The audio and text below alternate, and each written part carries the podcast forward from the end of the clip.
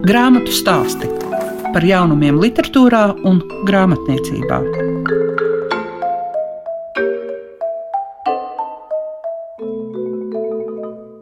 Labdien, jums saka Liega Piešiņa, jo savu skanējumu sāk grāmatu stāsti. Aprīlī mēs vairāk runājam tieši par Latvijas literatūras gada balvas nominantiem, tie šogad ir septiņās kategorijās, bet mēs pievērsīsimies jauninājumam, un tas ir spilgtākais darbs literatūras zinātnē.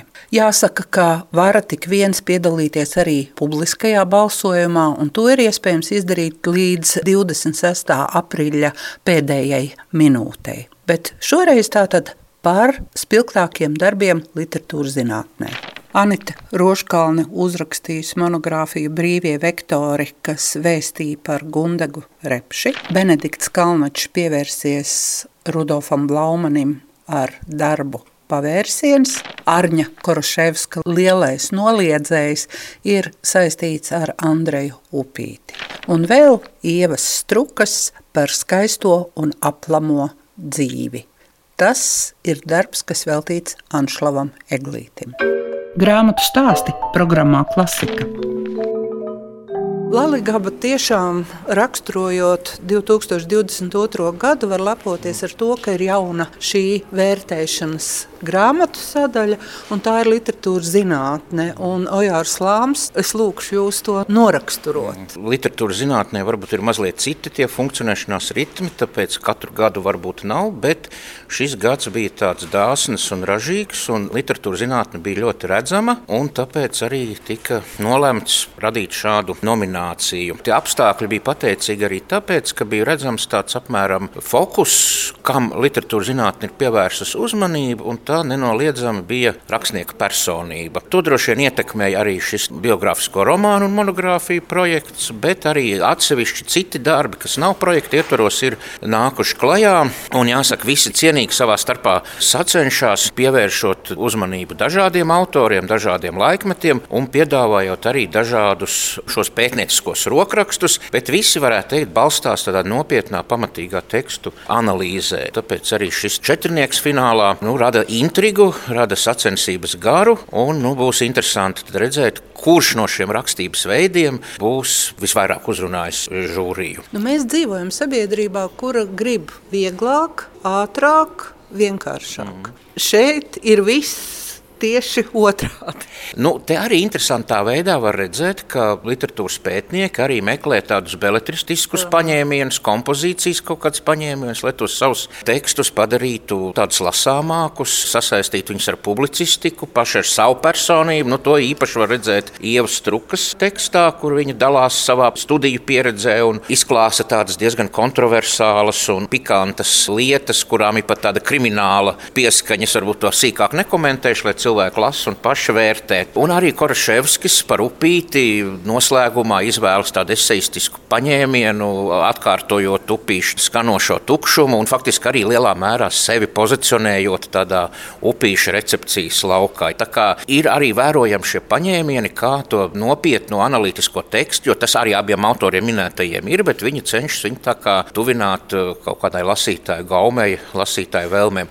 Un turpat blakus mēs redzam tādus, nu, varbūt teiksim, klasiskākus darbus, kur netiek izmantota tāda žonglēšanas paņēmiena, kas būtu Benedikts Kalnačs un Anita Roškalne, bet nu, tajā pašā laikā arī viņiem ir pietiekoši interesanti tekstu organizācija, laba kompozīcija, labi tādi akcenti, kas padara tekstus arī patīkami lasāmus, bet, nu, protams, šie ir teksti, kas prasa intelektuālu piepūli. Tā nav nekāda izklaide. Bet man liekas, ka ir vēl kas parādās tāds, ka ir jābūt divām personībām. Ne tikai tā par kuru raksta, bet arī tā, kura raksta.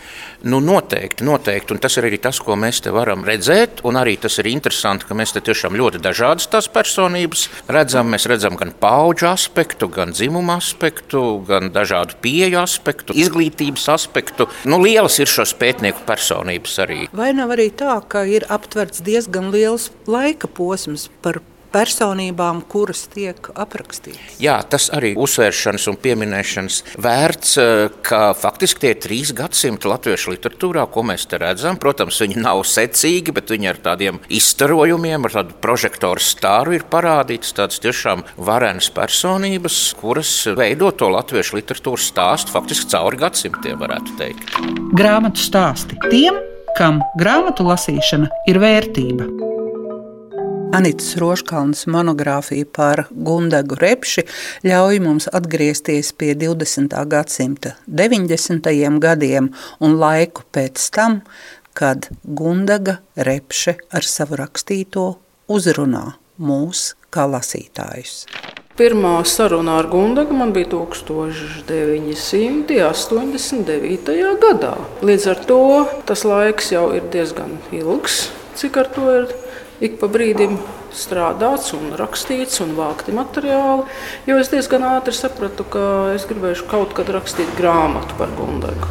Tā noteikti nav eseju grāmata, bet tajā pašā laikā es esmu vairījusies būt akadēmiski sausa. Jo, nu, protams, jebkurš autors vēlas, lai viņa grāmata izlasa pēc iespējas vairāk cilvēku. Tas ir punkts viens. Bet varbūt pat vēl galvenāks. Gundagu nav iespējams aprakstīt sausi matemātiskos vai pat sausi literatūras zinātniskos terminos. Vismaz es to nespēju, jo es zinu, ka mani kolēģi to spēja. Ko raksturojot Gundagu, Gundagas repšas veikumu, bija visgrūtāk atainot? Godīgi sakot, man ir grūti pateikt, kas bija visgrūtāk. Varbūt man visgrūtāk bija nevis atainot kādu vienu atsevišķu šķautni, bet dabūt kopā šīs daudzas šķautnes, kas Gondagai ir kaut vai žanru izvēles ziņā, kaut vai viņas profesionālās, arī citas darbības ziņā, kā mākslas zinātniecei, un viņas spilgto tēlu kāds tas ir izveidojies sabiedrībā un viņas spilgto personību, kāda tā ir. Un to visu saust kopā tā, lai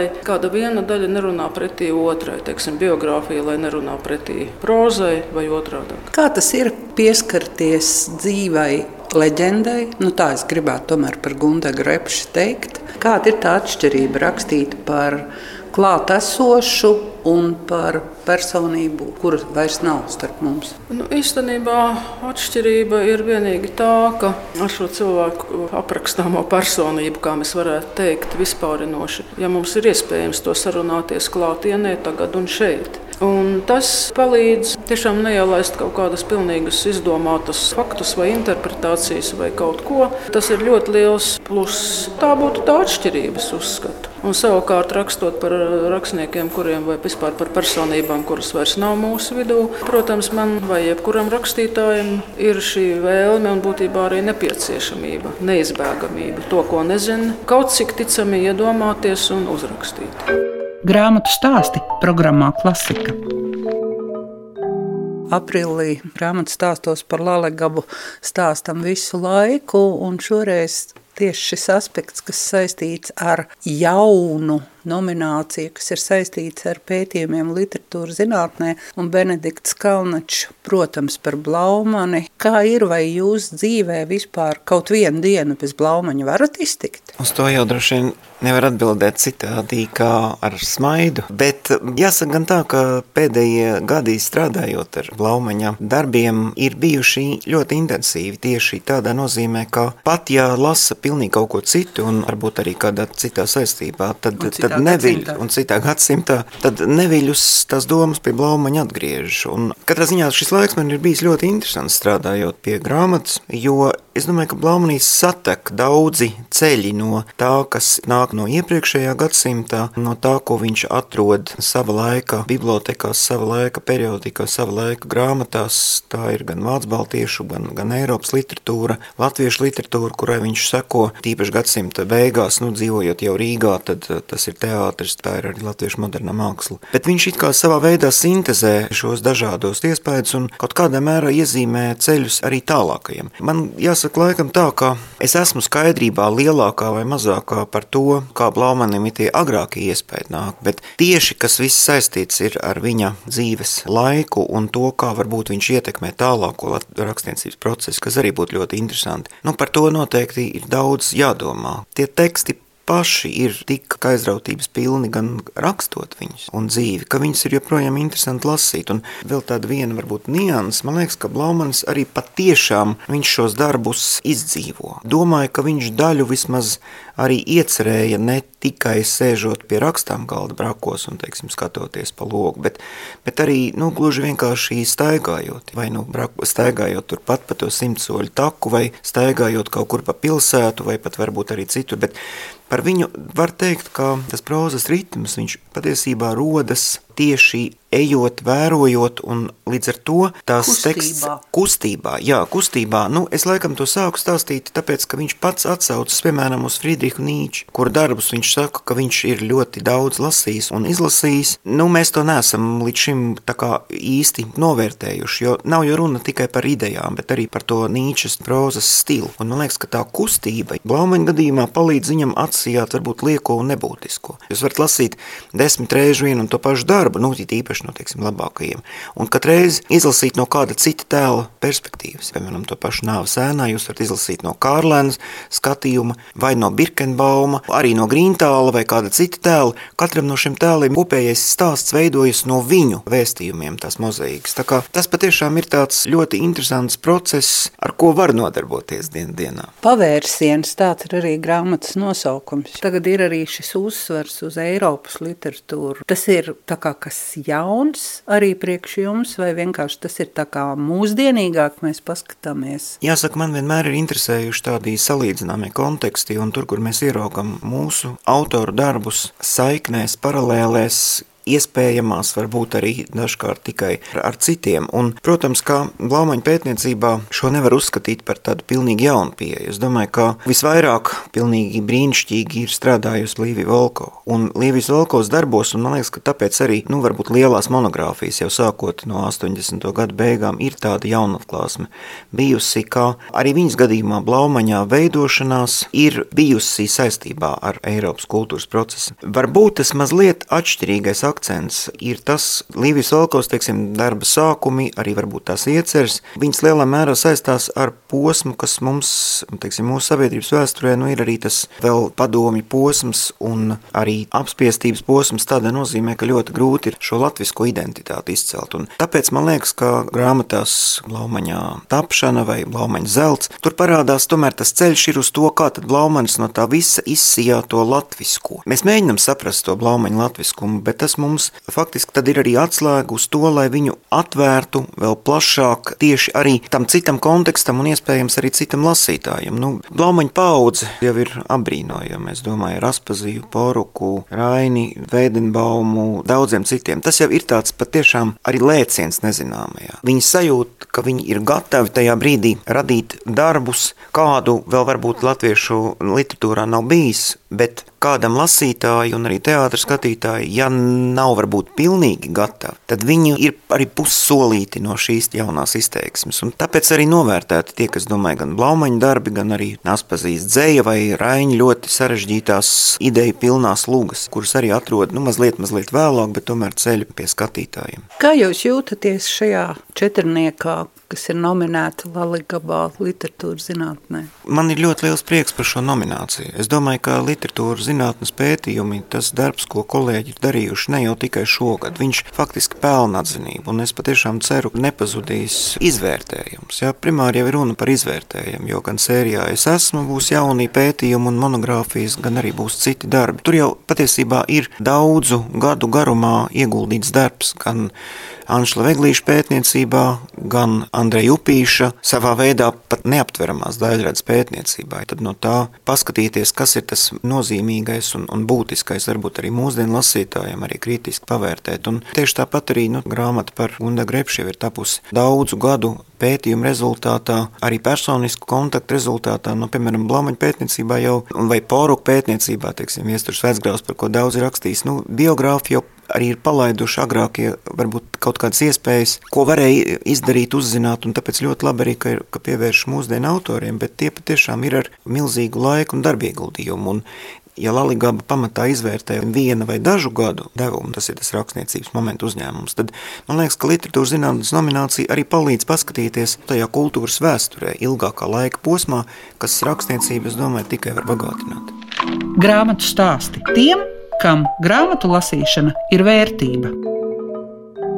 Laikā, kad notiek strīdi ap Andreja upīša devumu un kultūras mantojumu, Arnis Koroševskis domāja, ka savā monogrāfijā Lielais noliedzējs ļoti labi pamato šīs atšķirības starp personību, starp viņa politisko darbību un literāro devumu.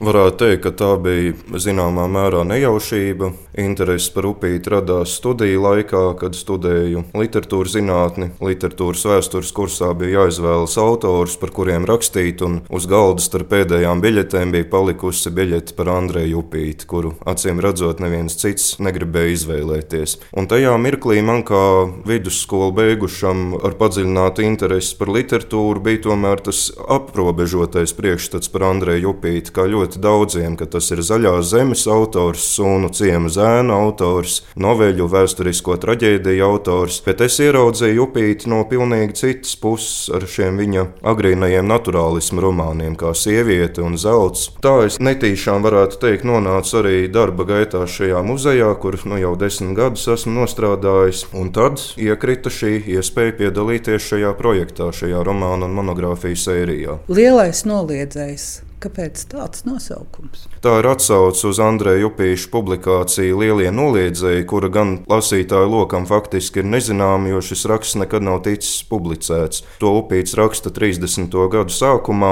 un tur viņš mēģina sevi sastatīt ar citu tautu rakstniekiem, kuri ir arī ar šo negatīvista pozīciju. Andrejam Upītam tas ir ļoti tipiski, varētu teikt, ka tas caurstrāvo gan viņa publicistiku, literatūru kritiku, gan arī viņa oriģinālu darbu darbus, jo viņš tiecas parādīt dažādas sociālas pretrunas, tiecas parādīt cilvēka negatīvās rakstura īpašības, dažādas cilvēka vājības. Un latviešu literatūrā viņš patiešām ir nu, viens no lielākajiem noliedzējiem. Vai ir vispār iespējams personību atdalīt radošo un politisko. Jo es domāju, ka arī tieši tāpēc katram tik noteikta attieksme pret Andreju Upīti. Tas ir ļoti labs jautājums un sarežģīts jautājums. Es domāju, ka te ir arī iespējamas dažādas atbildes. Nu, pat pirms nedēļas tikāmies muzejā ar Māru Bērziņu, lai runātu par viņa jaunāko romānu Nākotnes kalējs, romāns par Vili Lāci. Un uh, Mārim bija patiesībā tāda ļoti laba ideja. Viņš man uh, sarunas laikā pajautāja, vai mēs par Lāci tagad runātu tik daudz, ja vien viņš nebūtu bijis ministru padomē. Kā tad mēs uz viņu skatītos ar visu to viņa literāro mantojumu. Un man liekas, ka tur ir tas moments, ja upīts ar tiem saviem sabiedriskajiem uzskatiem, izteikti kreisajiem uzskatiem, pie kuriem viņš nonāk jau pašā 20. gadsimta sākumā, un tas viņu ievērojami atšķir no daudziem citiem latviešu rakstniekiem, kuri kļūst kreisi tikai tad, kad tas jau ir tā teikt dzīves nepieciešamība. Dzīves un darba nepieciešamība, jā. Tas upīti ievērojami atšķir. Ja viņš būtu vienkārši pieturējies pie šiem uzskatiem savā publicistikā un daļradē, es domāju, ka mēs arī uz viņu mazliet citādāk skatītos, bet tomēr ir šie 30 padomju okupācijas gadi upīša dzīvē no 40. līdz pat 1970. kad viņš aiziet mūžībā. Ir arī šie politiskie amati, kuri gan ir pietiekami maz pētīti, un tādēļ arī šajā polemikā par upīšu personību vai tās piemiņas saglabāšanu mūsdienās mēs tik bieži nonākam pie abstraktiem pārmetumiem. Grāmatu stāsti programmā Klasika.